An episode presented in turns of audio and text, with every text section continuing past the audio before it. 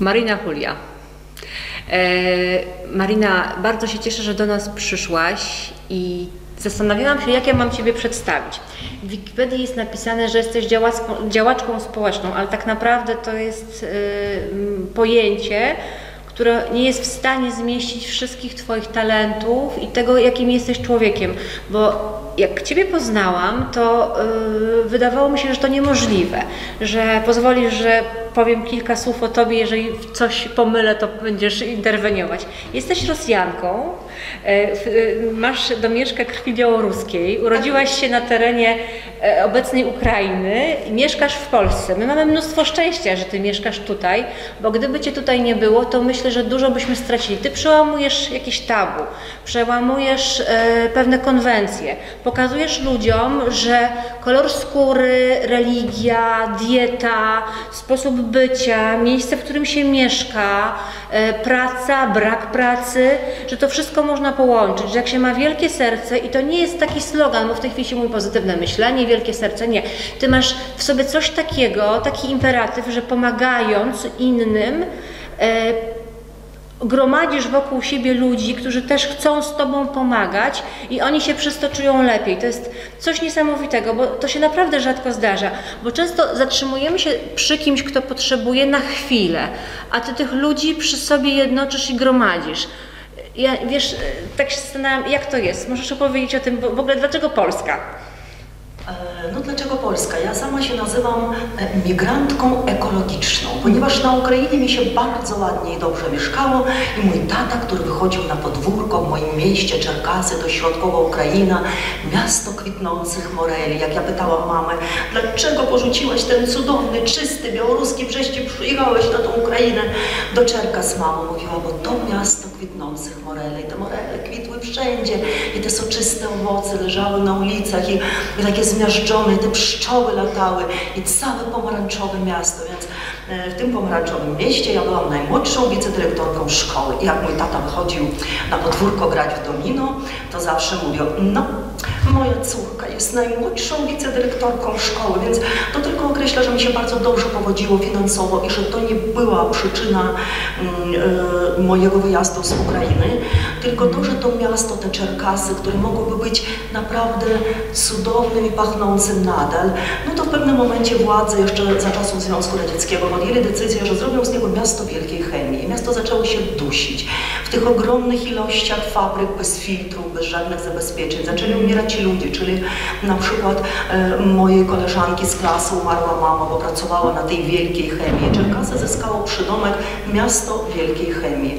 I moja córka Ilonka zaczęła chorować na chorobę, która potocznie się zwała aceton we krwi, czyli dziecko zionęło acetonem, trzeba było uciekać od tych lasów sosnowych, od tej rzeki Dniepr, od tych pachnących moreli, po prostu uciekać, żeby ratować zdrowie i dlatego wymyśliłam taką kategorię migrantka ekologiczna. Czyli po prostu się spakowałam, aż mój mąż wtedy pracował u cudownej osoby, niestety już nieżyjącego filozofa Cezarego Wodzińskiego, doktora habilitowanego. No i Czarek... Yy, Zaproponował mężowi, że znajdzie mi pracę, bo powiedział, że gdyby twoja żona była kucharką, to bym ci nie pomógł, bo nie mam w gastronomii żadnych znajomości, ale jeżeli jest nauczycielką rosyjskiego i to dobrą, to pomogę. I tak właśnie przyjechałam z dwoma walizkami, w jednej książki, w drugiej pościel i stanęłam progach Liceum Społecznego numer 25, gdzie dyrektorką była Marzena Okońska. I od razu oznajmiłam, dzień dobry pani dyrektor, ja mam czerwony pasek, a ona tak na mnie popatrzyła i mówi, wiesz co, ty tym czerwonym paskiem to sobie kieckę podwiąż, bo jesteś za chuda i zaraz ci spadnie. U nas w Polsce wasze radzieckie paski się nie liczą.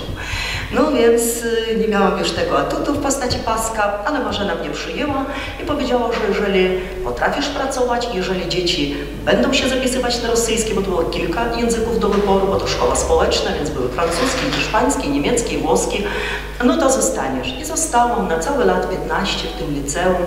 No i tam właśnie zaczęłam, zaczęłam pomagać, stamtąd zaczął się wolontariat, bo mm, dla mnie było za mało, żeby po prostu uczyć dzieci. Oczywiście, że uczyłam po swojemu, no bo szkoła Marzeny, nie mieliśmy żadnego podręcznika. Ja uczyłam ich na poezji, na literaturze i na przedstawieniach.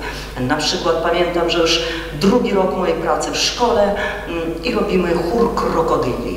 I wszyscy są przebrani za krokodyli i śpiewają A ja igraję na garmoszki u prachorzych widu. I to był wieczór rosyjski, był też chór Czerwonej Armii. To wszystko było cudowne, ale to była taka, takie sztuczki, taka namiastka sztuki właśnie w szkole, gdzie, gdzie język mm, był poezją, był strojem własnoręcznie zrobionym, był Mirkiem Czyżykiewiczem, który przychodził z gitarą na nasze wieczory śpiewał Niech się stateczku przez fale zgubne Brodzkiego trzepoczą żagle jak zmięte ruble.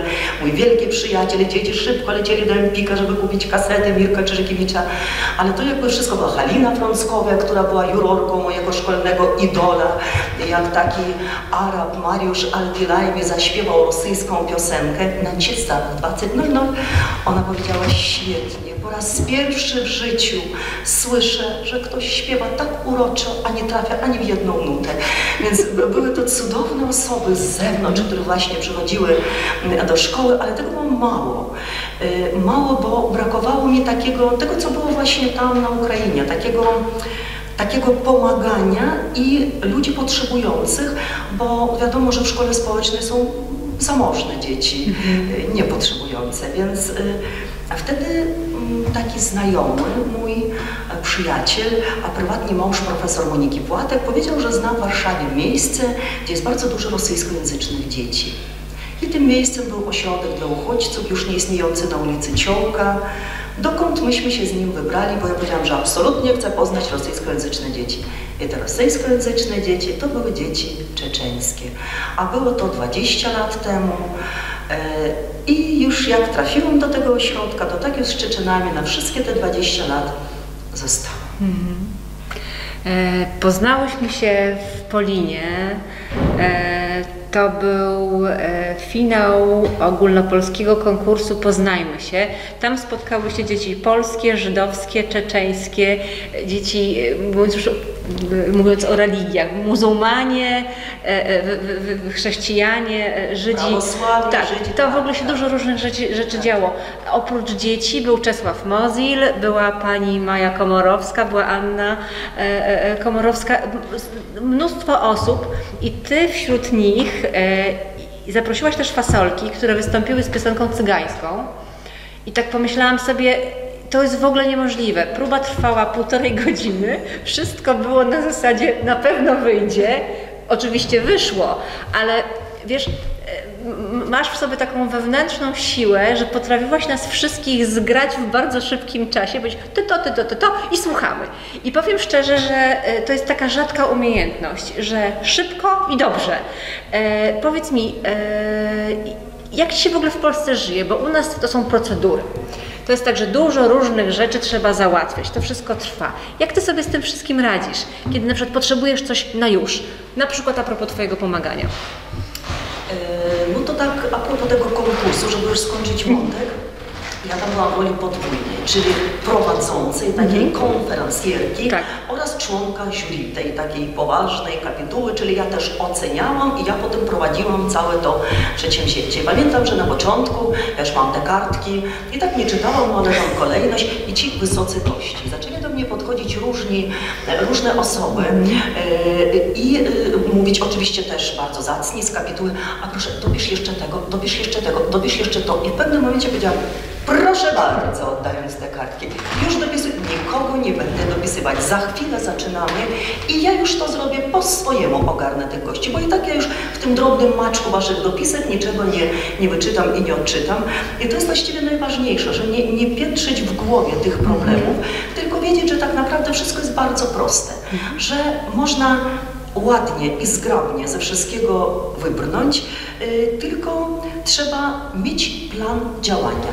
Bardzo prosty plan działania. Mój plan działania jest zapisany w notysiku, bo ja jestem niekomputerowa, ja się obwołałam osobą wykluczoną cyfrowo na własne życzenie, czyli migrantka ekologiczna wykluczona cyfrowo na własne życzenie. Y, I ja sobie wszystko notuję w notysiku, nawet rzeczy takie najdrobniejsze, żeby to nie czasami drobna rzecz potrafi zadecydować o tym, że wielka rzecz nie wypali. Mm, I tak też było z Czesławem Mozilem, ponieważ sytuacja była krytyczna, gdyż e, osoba, która miała występować na tym jakże charytatywnym, jakże mądrym i dobrym święcie, święcie dzieci, święcie wielu kultur, zażyczyła sobie 3000 zł za występ. E, I było to absolutnie niedopuszczalne, ponieważ my z trudem znajdowaliśmy pieniądze, żeby tych dzieci obdarować i nagle zapłacić 3000 za kilka piosenek. I wtedy zadzwoniłam do e, żony Czesława Mozilla, do Doroty, z którymi się lubimy e, i e, powiedziałam, jaka jest sytuacja. I Spytałam, czy Czesław nie zaśpiewał. Absolutnie, powiedziała Dorota, nie ma sprawy. I tak właśnie z doskoku przysłał, przyszedł Czesław, który jest o wiele większą gwiazdą, e, aniżeli ten, kto odmówił za 3000. Tak samo z fasolkami. Ja uwielbiam śpiew fasolek i to też była moja idea, żeby zaprosić fasolki i właśnie, żeby była ta piosenka cygańska, żeby to też wybrzmiało. Było kilka projektów też cygańskich, romskich i to było cudne i wspaniałe, że właśnie fasolki, Mozil, Maja Komorowska, Anna Komorowska, yy, różne osoby, Kasia Błażejewska-Sztur, prawda, różne osoby, ale osoby, które łączy taka czułość na ludzi, miłość do ludzi. I myślę, że bardzo dobrze, że ktoś za 3000 odmówił śpiewać, bo by nie pasował do tej uroczystości. E, dostałam od Ciebie pre- w prezencie książkę pod tytułem Dzieci z dworca Brześć.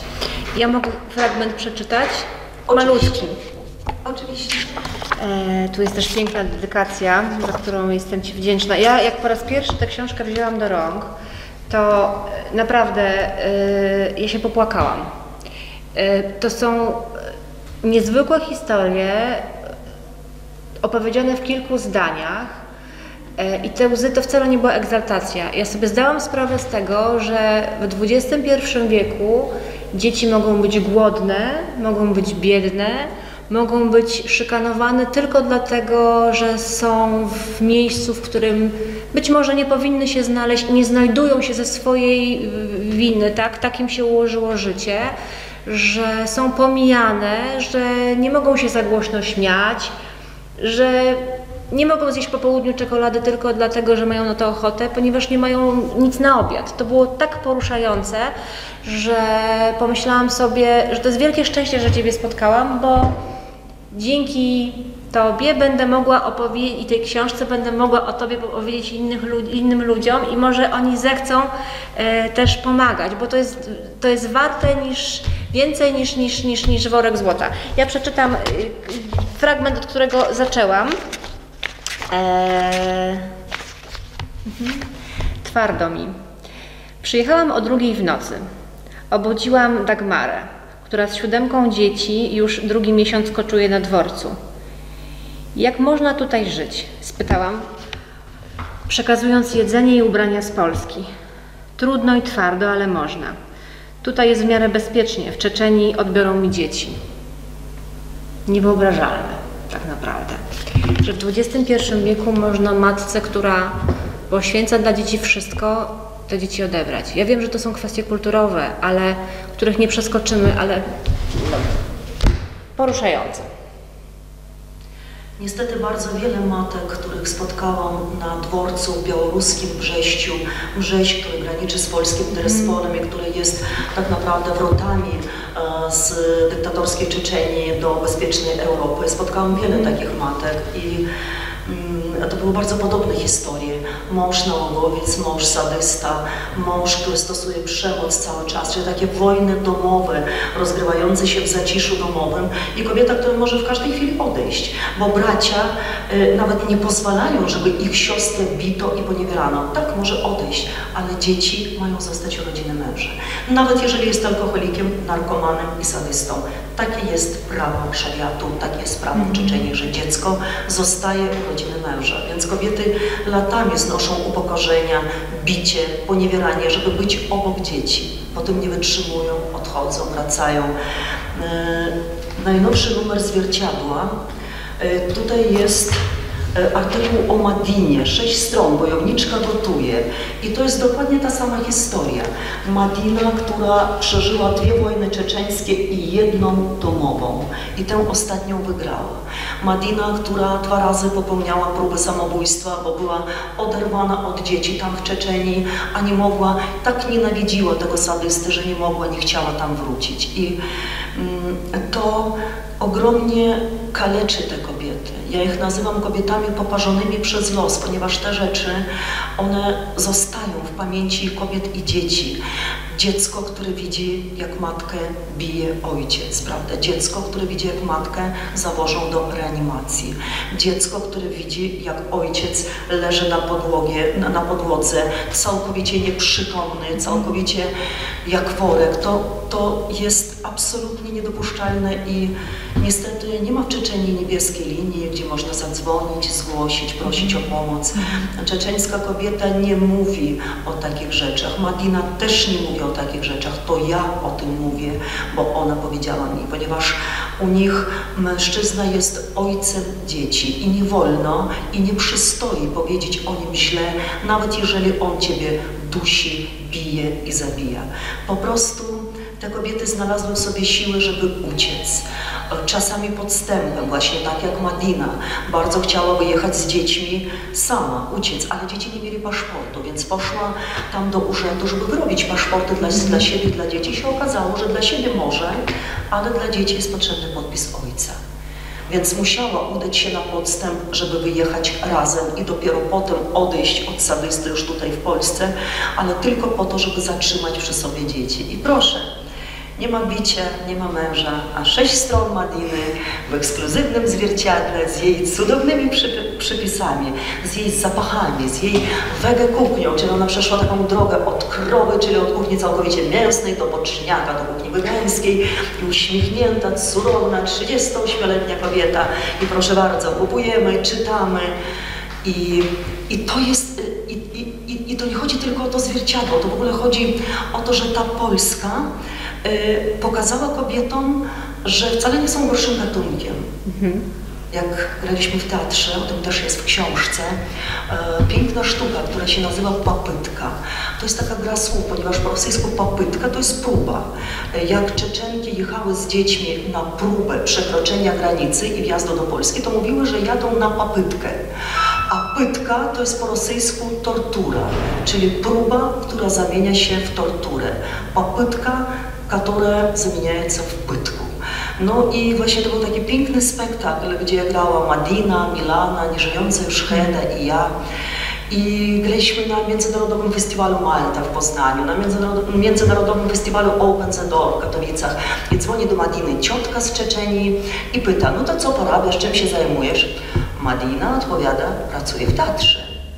Ciotka mówi, jako sprzątaczka, a Madina na to, nie, jako aktorka. Więc kobieta, która ukończyła cztery klasy podstawówki, bo były wojny, bo tak. ojciec uznał, że lepiej mieć cię żywą i niewykształconą, aniżeli martwą i wyedukowaną, która całe życie pracowała jako sprzątaczka gra w teatrze. Mhm. Druga Hede, sześć klas podstawówki. Pięknie gra w teatrze. Trzecia Milana, siedem klas podstawówki. Świetnie gra w teatrze. I ta właśnie trzecia Milana kiedyś mi powiedziała, Marino, dopóki ja Cię nie poznałam, to ja wychodziłam, żeby wynieść śmieci, bo ona ma pięcioro dzieci, a teraz to ja jadę w trasę koncertową, żeby zagrać spektakl. Niedawno Milana z córką wystąpiła w teledysku do najnowszej płyty, która się ukaże w czerwcu, Hani Rani. Mhm. Piękne zdjęcia, e, ogromna radość. I Milana, która do mnie dzwoni, mówi, o Boże, po zdjęciach, o Boże, jak dobrze, że umyłam okna. Ja nie wiedziałam, że nie będą wszystko filmować w oknie. Byłby wstyd na całą Europę. Ja mówię, gorzej Milana, bo Hani Rani w Ameryce słuchają. Więc takie mniej więcej są nasze rozmowy, takie, takie są uniesienia i zachwyty, ale tak naprawdę najważniejsze jest to, żeby nie upokarzać ludzi. Ich nazywają uchodźcami. Oni są przez kreseczkę. Kobiety uchodźczynie, dzieci uchodźcy. W organizacjach pozarządowych, co mi się strasznie nie podoba, oni piszą to na swoich stronach internetowych, nasi klienci. Ja nie mam klientów, ja nie mam uchodźców, ja mam przyjaciół, czasami podopiecznych, jak trzeba się zaopiekować, mm, ale nigdy nie mam i nie miałam klientów albo beneficjentów. I to nieupokorzenie, ono polega na tym, że jeżeli jesteś na utrzymaniu opieki społecznej i bierzesz, to zawsze jest coś, co możesz dać. Niekoniecznie to są pieniądze, tylko dać siebie, dać człowiekowi drugiego człowieka. To tak jak z naszymi babciami, bo my jeździmy od czterech lat do domu samotnej starości, albo tak nazywamy. Właśnie, bo gdybyś zechciała to opowiedzieć od początku, bo ja tę historię znam, że ty pomagasz, poma po pomagasz pomagać mamom czeczeńskim i dzieciom, a one mogą też od siebie coś dać. Mówisz, że czeczeńskie mamy i czeczeńskie dzieci pomagają polskim babciom. Gdybyś zechciała o tej historii opowiedzieć, pomagasz też polskim bezdomnym. Czeczeńskie mamy, czeczeńskie dzieci pomagają polskim bezdomnym. To też jest niesamowite, bo ty tych wszystkich ludzi podnosisz z kolan, bo często jest tak, że zatrzymujemy się na kimś, komu pomagamy, tak jak mówiłam, na chwilę. A tu się okazuje, że ta pomoc e, jest preludium do kolejnej pomocy, do kolejnego takiego dobrego gestu. E, no właśnie, i oni wtedy mam wrażenie, że czują się dobrze, mają, przywraca się im godność.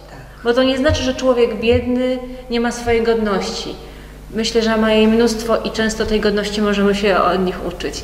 Opowiesz o tym, jak ten łańcuch, o ten tak, łańcuch dobra tak, więc, wygląda? y, Jak mnie pytają właśnie, jakby jaka jest idea, to ja zawsze mówię, że ja łączę marginesy, czyli tutaj, jak mówimy już językiem naukowym, tutaj są na tym marginesie uchodźcy zagrożeni ekskluzją społeczną, czyli wykluczeniem, tutaj są babcie, czyli seniorki zagrożone ekskluzją społeczną, czyli wykluczeniem, a zobaczcie, weźmiemy tak te dwa marginesy i tak złożymy i co wychodzi? Piękny, złoty środek. Więc to łączenie marginesów musi być zwłową. No bo tak, jest polska babcia, jest oddana do domu samotnej starości, ma tam wszystko, ma pampersy, ma jedzenie, ma telewizor, ma nawet mały ogródek. I jest samotna, ponieważ każdy dzień jest taki sam, patrzenie w telewizor, śniadanie, patrzenie w telewizor, obiad, patrzenie w telewizor, kolacja, zmiana pampersu, prawda? I jest czeczeńska mama, która nie ma swojej mamy, bo albo umarła, albo została w Czeczenii. Jest czeczeńskie dziecko, które nie ma babci, bo albo umarła, albo została w Czeczenii. I ja sześć lat temu już zaczęłam jeździć do tego domu samotnej starości, do takiej mojej przyjaciółki podopiecznej. Jeździłam sama, ale potem jak e, zaczęłam działać w Brześciu i zaczęły e, rodziny po kilkudziesiątej, kilkunastej próbie jednak przyjechać tutaj, przedostawać się do Polski, natychmiast ich w to włączyłam i zaczęliśmy jeździć razem. Przed pandemią jeździliśmy 20 osób, 15 osób. I to nie są wizyty akademie, że my przychodzimy, recytujemy wierszyki, tańczymy do widzenia i teraz do następnych świąt. To są odwiedziny babci, kiedy my babcie przytulamy, masujemy ich rączki, wmawiamy, że ten krem jest czarodziejski, że na pewno poprawi krążenie, a ja rzeczywiście staram się najlepsze kremy z Norwegii przywiozłam, takie specjalnie dla nich zrobione, z wosku, z miodu pszczelego, więc rozmasowujemy rączki, nóżki, zbieramy skarpetki dla babci, zakładamy te skarpetki na nóżki, zbieramy kapciuszki, zakładamy te kapciuszki, tańczymy, bo można tańczyć na siedząco, ja mówię tak, dziewczyny, no to teraz tańczymy, szprotki, papuga, ramionczka i babcie tańczą na wózkach inwalidzkich, potem oczywiście dla nich tańczymy, karmimy. Mamy przygotowują takie bezzębne jedzenie, mięciutkie, kotlecik mielony z ryby na przykład, albo z cielęciny, bo wiadomo, że Czeczeni nie jedzą wieprzowiny, więc to wszystko są e, pióre ziemniaczane, e, buraczki, e, tak po czeczeńsku, troszkę na ostro, ale żeby nie za ostro i karmimy łyżeczką babci, przytulamy. I to jest takie przytulić starość. To jest ogromnie ważne dla wszystkich. Yy, Dla babci, bo mają nas, bo czekają na każdą wizytę. Teraz też jeździmy w pandemii regularnie, tylko teraz to są wizyty przez szybę. Tam jest duży taras, babcie siedzą jak w kinie po jednej stronie, na swoich wózkach inwalidzkich, na krzesełkach. My jesteśmy tu na tarasie, ja wyjmuję taki do karaoke złoty mikrofon, jak u Elvisa Presleya i wszyscy krzyczymy kochamy was, kochamy was! I razem śpiewamy szła dzieweczka do laseczka, babcie po jednej stronie, my po drugiej, potem dla nich tańczymy i potem zawsze przykładamy ręce do szyby, a one swoje rączki starcze, pomarszczone z drugiej strony, to jest taki dotyk przez szybę i bardzo czekamy, aż znowu się spotkamy. I ja napisałam piosenkę e, o tym domu starości, też nagrałam ją mm, i jak ją wykonywałam na ogólnopolskim konkursie piosenki autorskiej OPPA, to też międzynarodowy konkurs, bo byli też z Rosji, z Litwy, z Białorusi, to w pierwszym rzędzie siedziały babcie i słuchały piosenki. Od niedawna mieszkały w radości, w domu samotnej starości, zasiadamy przy stole dużym, Krysie, Danusia i Róża. Jak widziałam w tym pierwszym rzędzie, a one słuchały piosenki o sobie, a na ekranie w tle leciały zdjęcia z tego domu samotnej starości. I to było takie szczęście i radość wielka. Natomiast jest tym też ból, bo jeżeli jest to ludzkie, to jest jak w Małym Księciu. Jeżeli kogoś oswoiłeś, to potem to boli, bo nasze babcie umierają. Umarła Basieńka, a tego dnia przyjechaliśmy z poduszkami, bo w Onecie był taki kurs dla mam i dzieci z dworca Brzeście, szyliśmy poduszki na super, super maszynach do szycia i na hawciarkach. I na każdej poduszce było wyhaftowane imię babci. My przyjeżdżamy i szukamy Basi. I wszystkim już rozdaliśmy poduszki. Ja pytam, a gdzie Basia? A Tereska z, rę- z ręką na tym blaku mówi, ona gdzieś tu jest. A Basia umarła, Tereska mi nie chciała mówić. I ta poduszka z wyhaftowaną Basią stała tam na parapecie myśmy wszyscy płakali. My nie mogliśmy tańczyć, po prostu to był taki dzień. Potem oczywiście tańczyliśmy, ale to była taka wesoła stypa po Basi. No najpierw wszyscy myśmy płakali. A teraz ostatnio w pandemii umarła nasza Wandzia, umarła Tereska na tym blaku umarła Róża i jakby cały czas my chowamy naszą kolejną babcię i to, to strasznie boli.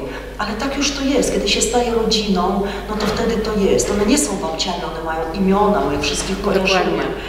I tak samo jest mm, z osobami bez domu. Ja bardzo nie lubię tej terminologii osoby w kryzysie bezdomności. Ja spytałam, Kazi, czy ty się czujesz osobą w kryzysie bezdomności? No daj spokój, niunia, bo on mówi do mnie niunia, albo Marinka, albo niunia. Ja mówię, Kazik, wy jesteście osobami bez domów. Bo wy nie macie domu. Na przykład ja jestem osobą bez samochodu. I to mnie nie definiuje. Ja nie jestem bezsamochodowcem, prawda? Jestem Mariną bez samochodu. Ty jesteś Kazikiem bez domu, ale z altanką. O, to, to lubię. Więc te nasze osoby bez domów, to też ja poznałam przez taką wspólnotę katolicką Sane- Sanegidio, e, bo też e, jeździłam z nimi i patrzę tak, przyjeżdżamy, jest fajnie, rozmawiamy, zostawiamy ryż, jakąś tuszonkę, czyli jakąś tam e, konserwę i wychodzimy. I to jest piękne, ale mało co z tego wynika. To jest, jest to bardzo fajne, bo to jest co niedziela, prawda?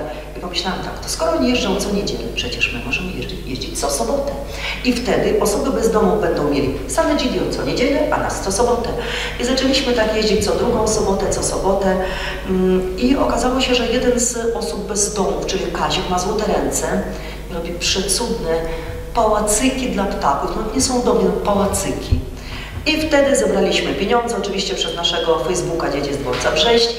Wspaniała pani darczyńca z Gdańska aż przyjechała, poszliśmy do Kastoramy, został zakupiony stół z imadłami, wszystkie farby możliwe i produkcja pałacyków dla ptaków ruszyła i te pałacyki pofrunęły do cał, po, po całej Polsce. Nawet harcerze z Oławy zakupili taki pałacyk dla ptaków. Kazik się czuł potrzebny, bo z chłopakami e, robił te pałacyki. Dziewczynki to malowały, na jednym flaga czeczeńska, z drugiej strony polska, a to lasy amazońskie, a to, e, no jeszcze z błyskawicą myśmy nie zrobili, ale to wszystko przed nami, ale w każdym razie cały czas właśnie takie coś, co nie jest tylko przywożeniem jedzenia. Nasze wspólne grille tam na działce. I szczęśliwy Kazik, który mówi, Boże, jak was nie ma, to jest tak, taka samotnia, tak mi jest niedobrze. A jak przyjeżdżacie, to jest jak na stadionie narodowym. Ja oprócz tego, że jestem choreografem, jestem terapeutą. Od wielu lat zajmuję się choroterapią, czyli terapią po tańcem. Pracuję w szpitalu i tak słuchając Ciebie, e, mam takie poczucie, że Ty ideę art terapii, terapii przez sztukę e, wcielasz w życie. Oprócz tego dajesz ludziom, oprócz takiej realnej pomocy, ryżu, soczewicy, dajesz ludziom czas, dotyk, uwagę, kontakt wzrokowy. E, to wszystko leczy. Nie tylko duszę, ale też ciało. Ja myślę, że to, czego najbardziej nam teraz brakuje w, w różnych sytuacjach życiowych, to jest czas. My nie mamy czasu dla siebie nawzajem, nie mamy czasu dla swoich dzieci. I takie sytuacje, o których Ty opowiadasz, pokazują, że naprawdę warto się zatrzymać, bo wtedy możemy zauważyć e, swoich najbliższych, ale też tych, którzy są dookoła. To takie uwrażliwianie na, na różnych poziomach. No właśnie, pandemia to jest też taki moment, kiedy Ty pomagasz. Kiedy się wszyscy izolujemy, boimy się zarazić, Ty na przekór wszystkiemu, wiesz, e, pomagasz w reżimie sanitarnym, ale pomagasz. Pokazujesz też ludziom, że można. I że to wcale nie jest trudne, tylko trzeba chcieć. Ale to jest też piękne, dlatego No. że absolutnie tutaj uchwyciłaś sedno. Ja w którymś z wywiadów powiedziałam, że ja nienawidzę nieestetycznego pomagania. Pomaganie ma być sztuką, Mhm. pomaganie ma być ładne, pomaganie ma być odkrywaniem talentów tych ludzi. Kazik jest dla mnie mistrzem, Mhm. ponieważ to, co on robi, to jak on się w tym rozwija, a Edyta Gostowska, moja mm, bliska koleżanka z liceum zamojskiego, pojechała odebrać domek dla ptaków, bo ona ma dom. Jak ona to zobaczyła, ona powiedziała, Panie Kazimierzu, ja nie oczekiwałam, że ja przyjeżdżam do sztuk mistrza, to jest mistrzostwo świata. I właśnie to tak jest, że e, Kazik e, czuje się taki, mm, taki, on się staje mistrzem, on staje się coraz lepszy w tym, co robi, bo ludzie potrzebują tej jego roboty. Jak udziela wywiadu do Al Jazeera, albo nagrywa też dla Hani Rani teledysk, albo występuje w reportażu telewizyjnym w Ekspresie Reporterów i opowiada o tym, to już tak stawia wysoko poprzeczkę, że już kolejny domek nie może być brzydki. On już musi być bardzo ładny. Tak samo Madina, ta sztuka gotowania, ta uczta babet, którą ona urządza, te, te, te, te ogromne absolutnie talenty, te nasze babcie, no przecież to, mistrzynie. Pamiętam rozmowę Tereski z Basią, że to jest absolutnie mistrzynie do wcipu. Jak e, e, Tereska chodzi i mówi, słuchaj kochana, ja mam dla Ciebie podarek, zaraz przyniosę. Wraca i mówi, och, nie pamiętam, gdzie go położyłam. A Basieńka mówi, a ja pamiętam, że podarek był, bo go widziałam, ale nie pamiętam, co to było. Więc to od razu już jest śmiech, od razu są, są żarty, mówię, och, moje curuchne do babci, chodźcie. A Basieńka, coś za bardzo lecimy, te Twoje curuchny są. I to jest takie, ja wszystko to potem zapamiętuję, opisuję w książce na Facebooku, bo tego nie wolno przeoczyć, bo to są Tak. takie tak niesamowite perełki, te ich, te ich powiedzonka, te mm, jak z dzieciakami, bo my nie tylko opiekujemy się osobami bez domów, tylko jeszcze psami bez Tak. bo przyjaźnimy się ze schroniskiem Medor e, w Łodzi. E, Teraz niestety w pandemii nie można było pojechać, próbowaliśmy, ale, ale za chwilkę tam pojedziemy. I to jest ogromnie poruszające, bo my tam chodzimy z dziećmi z Łódzkiego Domu Dziecka, z Łódzkiego Pogotowia Opiekuńczego. My się przyjaźnimy też z tymi dziećmi. Mm, I pamiętam, że Milana, dziewczynka czeczeńska, wyprowadzała pieskę damkę z tego schroniska. Ona potem mówi do mamy, mamo, a możemy zabrać damkę do domu? Ja ją tak pokochałam. A jej mama mówi, ależ kochanie, my nie mamy domu. No bo ośrodek dla uchodźców czy wynajmowane mieszkanie to nie jest dom, prawda?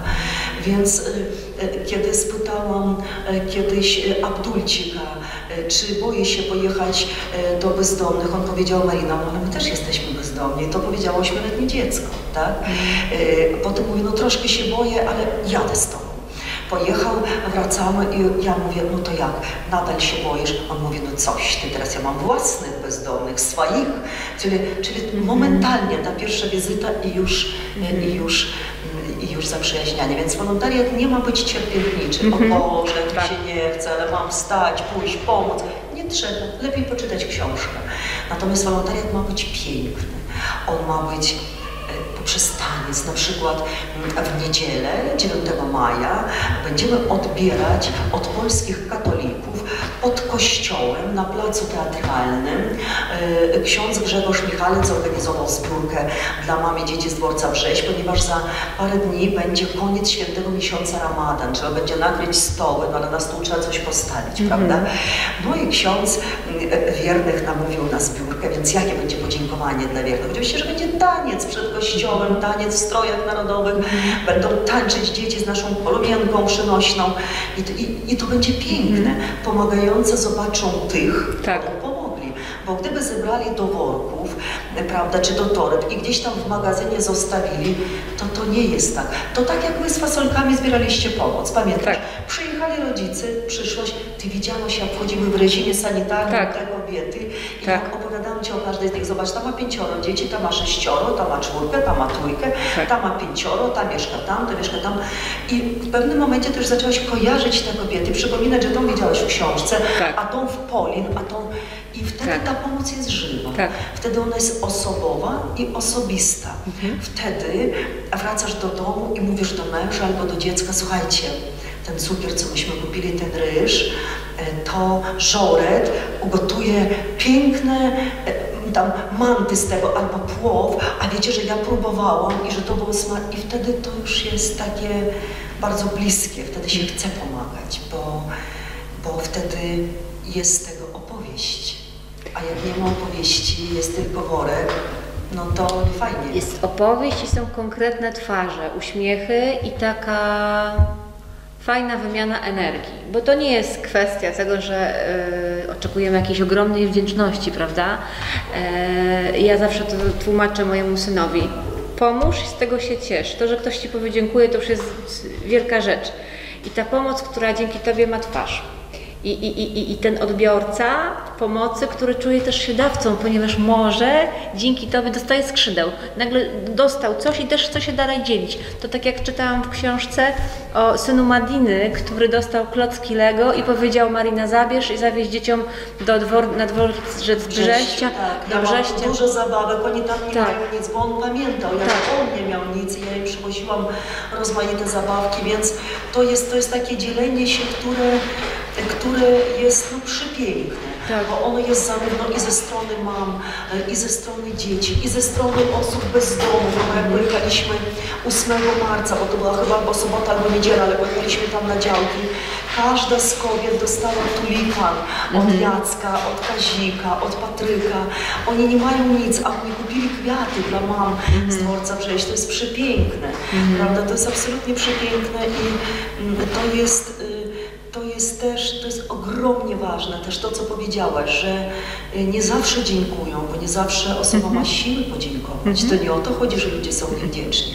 Czasami ludzie są tak bardzo przygnębieni, że nawet nie mają sił podziękować, czy tak bardzo głodni, że jedzą i, i, i to umyka. I to jest absolutnie, jeżeli będziemy pomagać za dziękuję, to to kompletnie nie ma sensu, bo się bardzo szybko zgorszymy, bo jeden raz usłyszymy to dziękuję, a dziesięć razy możemy nie usłyszeć. I nie dlatego, że te osoby są złe.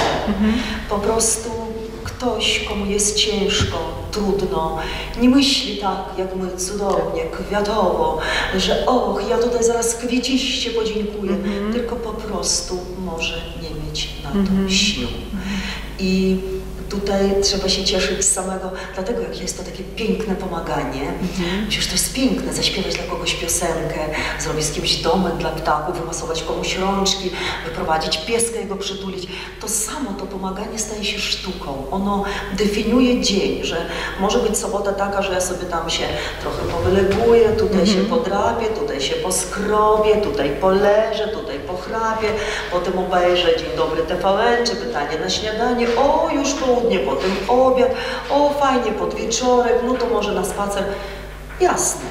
Ale może być tak, że, to, że można wszystko zostawić w tej sobocie, ale tak jak się pojedzie na te dwie, trzy godziny na działki do Kazika, zrobi się taki domek dla ptaków, taki grill, się zatańczy, to wtedy ta sobota staje się sobotą z sensem, bo wtedy jest świadomość, że ktoś dzięki tym paru godzinom, dwóm, trzem, czterem jest szczęśliwy. I że on potem całą niedzielę będzie wspominał tą sobotę, prawda? I to, jest, I to jest ogromnie ważne i ogromnie fajne, że mm, takie właśnie, y, takie niby drobiażdżki, że one, one właśnie definiują ten dzień. Ja już nie mogę się doczekać, aż pójdziemy do księdza po odbiór żywności, że zobaczę tych ludzi, którzy tą żywność zebrali, że te mamy z torbami udźwigną. To jest piękne, to jest wspaniała niedziela. Jakby tego nie było, to ona była taka dla mnie taka biedniejsza. Też bardzo mi się podoba to, w jaki sposób organizujesz tą pomoc, bo parę razy miałam przyjemność i zaszczyt pomagać, bo ja to tak postrzegam. E, I dostałam od Ciebie listę. Kasza e, gryczana, ryż, mąka, cukier, olej, e, konkretnie parówki z kurczaka. E, I czasami którzy, ci, którzy dołączają się do tej pomocy przeze mnie organizowanej, mówią, słuchaj, a potrzebne są ubrania. Ja mówię, nie, mówię, Marina nic nie napisała o ubraniach, jeżeli będzie potrzebowała ubrań, to na pewno o tym Wam powiem. Ale może jednak ubrania? Ja mówię, nie, nie, to są konkretne rzeczy i też nic się z tych rzeczy nie marnuje. Eee, I chciałam Ci powiedzieć jeszcze o jednej rzeczy, że e, to mnie zachwyca, bo mam wrażenie, że Ty ciągle jesteś w ruchu, ale czy jest taki czas, kiedy Ty robisz coś tylko dla siebie? Ale właśnie to wszystko, co ja robię... No dobra, ale... ale, ale, ale Bo mój taki przyjaciel, bo teraz kończymy film, a dokumentalny już drugi, bo ja się określam, ja- jakby ja sama siebie definiuję, jestem reksio. Bo reksio nigdy nie robił jednej rzeczy. Był reksio pielęgniarz, reksio malarz, reksio muzyka, reksio reżyser. Więc ja nie mogłabym na przykład być pisarką. To jest dla mnie strasznie nużące tylko pisać książki.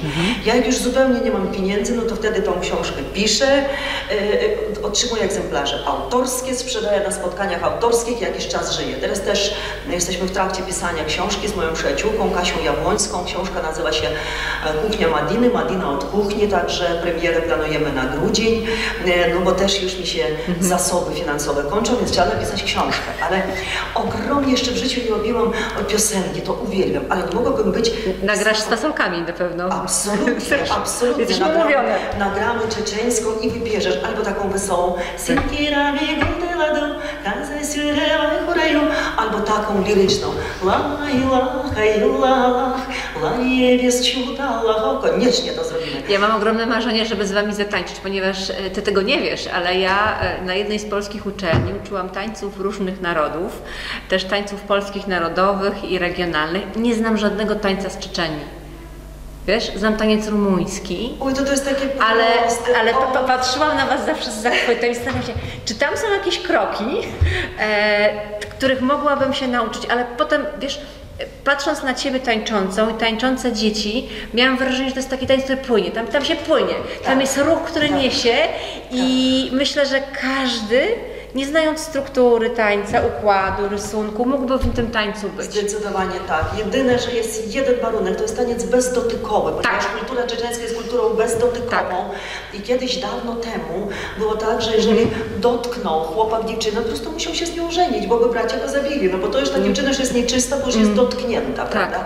Więc y, kiedyś miałam taką śmieszną sytuację, bo przez y, 6 lat pracowałam, kierowałam wolontariatem więziennym w 14 jednostkach peniten- penitencjarnych okręgu warszawskiego i byliśmy 14. na Rakowieckiej. 14. Na Rakowieckiej była Hedeczka ze mną i e, wtedy tańczyliśmy dla osadzonych, dla więźniów, bo oni nazbierali bardzo dużo słodyczy wtedy dla dzieci czeczeńskich, więc cudownie. A potem ktoś puścił już polską muzyczkę i taki osadzony Marek zatańczył walca z Hedeczką. Skończyli, Heda go pyta, czy ty masz dom? Więzień Marek mówi, no mam, a co? Heda mówi, a gdzie? On mówi, nad morzem w Gdańsku. Heda mówi, świetnie, bo ja mam pięcioro dzieci, a ty będziesz musiał się ze mną ożenić. A on mówi, jak to? Heda mówi, a bo ty źle słuchałeś Mariny. Pewnie gdzieś ci uwaga się rozproszyła. Marina powiedziała, że u nas się nie dotyka kobiety. A jak już mnie dotknąłeś, to kochany Marku, będziesz musiał się ze mną żenić. Tu ja jeszcze mrugnęłam wychowawczyni, ona mówi, no tak Marek. I wtedy on zrobił tak, o Boże, jak dobrze, że jeszcze mam 12 lat do końca od siatki.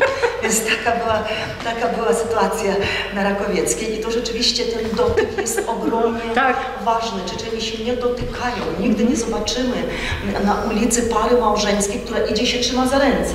Dotyk jest zarezerwowany dla domu, dla najbliższych. To nie jest dla ludzi. To jest bardzo kultura powściągliwa, intymna. A taniec tak, tak jak powiedziałaś, kobieta płynie i pokazuje, że jest delikatna, czyli oczy, głowa równo, ale oczy raczej spuszczone. Nigdy nie krzyżuje z, z chłopakiem, a chłopak pokazuje, że jest silny, że jest mocny, że prowadzi, że jest takim dżynitem, orłem. Więc widzisz, to jest odpowiedź na pytanie. Uwielbiam tańczyć, jak ten Reksio, jestem Malina Tancerz. Książki trochę się napisze, piosenkę się trochę nagra, wystawę fotograficzną się trochę zorganizuje. Natomiast teraz robię filmy. Ja jestem od pół roku pomocnikiem reżysera. Robimy filmy we dwójkę. Reżyser Kamil Witkowski, cudowny, Tak. i ja pomocnik reżysera. Budżet wynosi 0 złotych. Nasz pierwszy film Heda Odniósł ogromny sukces, ponieważ był pokazywany na Międzynarodowym Festiwalu Filmów Dokumentalnych Watch Dogs, e, gdzie są bardzo ostre, mm, bardzo ostra selekcja filmów. I na Dniach Tischnerowskich w Krakowie, gdzie wiadomo, że elita krakowska by nie wzięła filmu, który by się nie podobał. A teraz kończymy drugi film. Premiera jest 10 czerwca o godzinie 18 w kinie Muranów. Film nazywa się Wszyscy Wszystko Zjedli. O kuchnie, o głodzie, o jedzeniu, o sile kobiet, o tym, jak Europa wyzwoliła Madinę. I ogromnie się cieszę. Właśnie to jest takie dla mnie, że, że, że ja biegam, że jestem pomocnikiem reżysera, że ja tutaj, tutaj ujęcia te wszystkie, narratorką, nagrywam. To jest, to jest piękne. Ja żyję teraz tym filmem, tą premierą. Cieszę się, że Kuba Gutek nas znowu wziął do tego Muranowa. Cieszę się, że UNHCR objął patronatem film, że on będzie przetłumaczony na angielski, że będzie w grudniu premiera w Brukseli. Ja ogromnie się z tego wszystkiego cieszę. Ja już mówię, Madina, rzeczywiście będziesz znamienita i, i, i, i ja już będę autografy u Ciebie pobierać, ale to jest piękna rzecz. To jest, to jest bycie reżyserką życia. I to jest ogromnie fajne, bo to się tak reżyseruje, żeby się samemu w tym dobrze się czuć, żeby to wszystko było właśnie takie jak dzisiaj. Siedzę tutaj w kwiatach ze wspaniałą kobietą i mówię coś i to jest takie piękne i ładne. I to jest też co innego, bo już tysiąc lat nie udzielałam wywiadu, bo dyżurnie dochodzę do Doroty Sumińskiej, do TOK FM, do Wierzę w Zwierzę. E, uwielbiam Dorotę, ona mnie też bardzo lubi i ciągle tam mam taką dyżurną jej gościnią. I ja zawsze mówię, Doroto, ja w życiu nie miałam zwierząt. Ona mówi, jak to? W dzieciństwie masz? Mówi, miałam świnkę morską. On mówi, od tego zaczniemy, a dalej popłynie. Więc ja jestem gościem w audycji Wierzę w Zwierzę, bez zwierząt, ale mówimy o ludziach, miłości, na kuchni wegańskiej, o psach ze schroniska, o dzieciach z dworca Brzesiu, różnych rzeczach, ale Dorota zawsze zaczyna od świnki morskiej, więc płynnie wchodzimy w temat, więc ja już dzwonię do Dorota, kiedy już znowu będziemy mówić, bo ja uwielbiam radio, a Dorota mówi, no niestety na razie nie mogę. I tu proszę bardzo, wywiad, wspaniały wywiad dla mieszkańców Poliśle, to jest cudna rzecz, to jest piękna, cudna rzecz, która mnie spotkała dzisiaj, więc dzień z sensem. Marino, bardzo Ci dziękuję. Em, Jesteś niesamowita. Jestem samowita, ale też ogromnie i bardzo serdecznie dziękuję za zaproszenie. Dziękuję. Dziękuję. Książka Dzieci z dworca Brześć to jest pewne świadectwo. Świadectwo tego, że w XXI wieku na granicy do bezpiecznej Europy są zatrzymywane mamy z dziećmi. Że te, które pukają i proszą o azyl, o to, żeby ich chronić i bronić od zła, które ich spotyka na ojczyźnie, nie mogą dopukać się do tych drzwi. To jest o mamach poparzonych przez los, o dzieciach ze skradzionym dzieciństwem, o osobach bez domów, ale o tych, które mają domki w sercu, o polskich staruszkach, o pieskach ze schroniska przytulanych małymi czeczeńskimi rączkami. Jest to też książka, w której jest sporo wywiadów z osobami pomagającymi. Jest tu i Sylwia Gregorczyk-Abram, wybitna prawniczka, która wielokrotnie pomagała w rozwiązywaniu kryzysu migracyjnego na granicy Brześć-Terespol. Jest tu Maciej i Kasia Szturowie, które przygarnęli pod swój dach czeczeńską rodzinę. Jest tu Michał Olszański, wybitny dziennikarz, który też bardzo jest zaangażowany w pomoc mamom i dzieciom z dworca Brześć. Jest Czesław Mozil, który razem z mamami gotował czeczeńskie manty w świetlicy środowiskowej Serduszko. Jest Dorota Sumińska, która opowiada, że to jest nieprawda, że Czeczeni uważają, że pieski są zwierzętami nieczystymi yy, i rozbija te stereotypy. Myślę, że jest to książka, która pozwala nam poznać i zjawiska, i ludzi, o których totalnie nic nie wiemy. A jak już poznajemy, to wtedy mamy możliwość tym ludziom pomóc. Przeczytam kilka fragmentów. Mir, trud, maj, Brześć. Wracam z Brześcia, pełnego kwiatów, słońca i transparentów, transparentów rodem z Związku Radzieckiego. W restauracji dworcowej leciała piosenka, którą pamiętam z pionierskiego dzieciństwa. Po bitwie, która trwa i Lenin wiecznie młody, a październik dopiero nadchodzi. To po rosyjsku to tak. I Lenin такой молодой и юный, Октябрь wпереди, a październik to oczywiście ten rewolucyjny z roku 1917. I w tym królestwie czerwonego października zwyciężyła muzułmanka. W małej wiosce, gdzie zamieszkała Aisha z siedmiorgiem rodzeństwa, rozpisano szkolny konkurs. Aisha wybrała temat, co ciekawego robisz z rodzicami. Napisała o tym, jak zaczęły z mamą Sedą szyć lalki muzułmanki. Z kolorowych skrawków, które przynosiłam im ze sklepu tkaniny. Jak za pieniądze z lalek kupowały jedzenie, rzadko słodycze.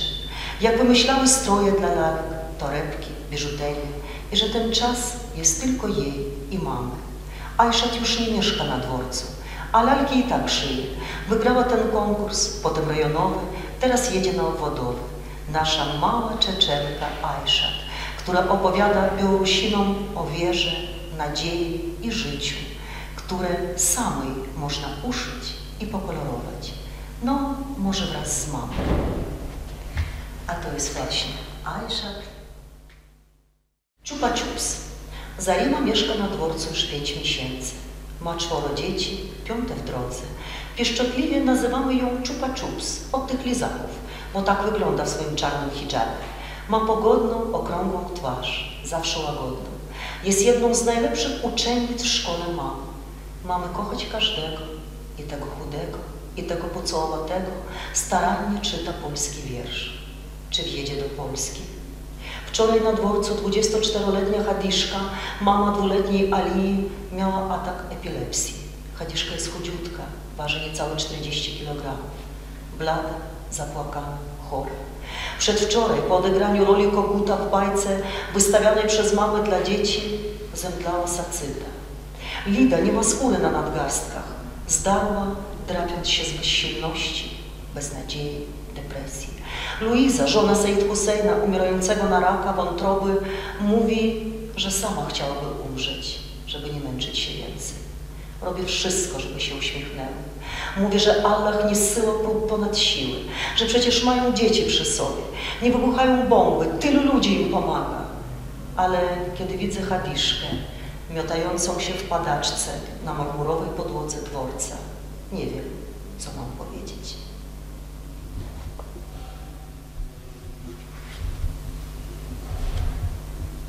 Przyjaciele, znani i nieznani, mieszkańcy Powiśla i przyjaciele mieszkańców Powiśla. Ta książka jest takim przewodnikiem po pomaganiu. Ona uczy, jak można i trzeba pomagać. Ta książka jest książką radości, ponieważ w każdym tym pomaganiu, w, każdym, w każdej tej biedzie i w każdym tym nieszczęściu jednak jest radość. Więc Wy też możecie pomóc. Pomóc przynosząc rzeczy proste, takie jak ryż, mąka, cukier, dla tych wielodzietnych, w większości samotnych mam, dla ich dzieciaków, żeby się ucieszyły, żeby przed wakacjami miały co ugotować, zaprosić gości, żeby to życie było takie normalniejsze, bo dla nas to dziwne się wydaje, że można nie mieć w domu cukru. A ostatnio właśnie odezwał się do mnie starszy pan, który Czeczen, który mieszka w Wołominie, który nie miał ani cukru, ani herbaty, ani chleba. Bywa też tak. I ogromnie też myślę, że udałoby nam się, żeby ta pomoc być może była z zatańczeniem dla Was czeczeńskich dzieci tutaj przed ośrodkiem młodzieżowym, a jak nie, to później, ale też żebyście zobaczyli tych, komu pomagacie. Ja ogromnie dziękuję naszej Agnieszce Szymańskiej, Fasolce, za tą poprzednią pomoc, która już była. Dziękuję Wam, dziękuję pracownikom ośrodka i naprawdę możecie pomóc, a Wasza pomoc pójdzie w ręce naprawdę cudownych kobiet i pójdzie dalej, bo z Waszej mąki one ugotują pierogi, które pojadą do domu samotnej starości. One upieką chleb, który pojedzie na działki do osób bez domów i ta Wasza mąka sypnie się dalej na całą Polskę. A jeżeli ktoś będzie chciał kupić książkę Dzieci z dworca Brześć, oczywiście egzemplarze autorskie, to bardzo proszę zwracać się tutaj do ośrodka. Jeżeli będzie potrzebna dedykacja, to też taką dedykację napiszę. Dziękuję serdecznie jeszcze raz. Bardzo, bardzo.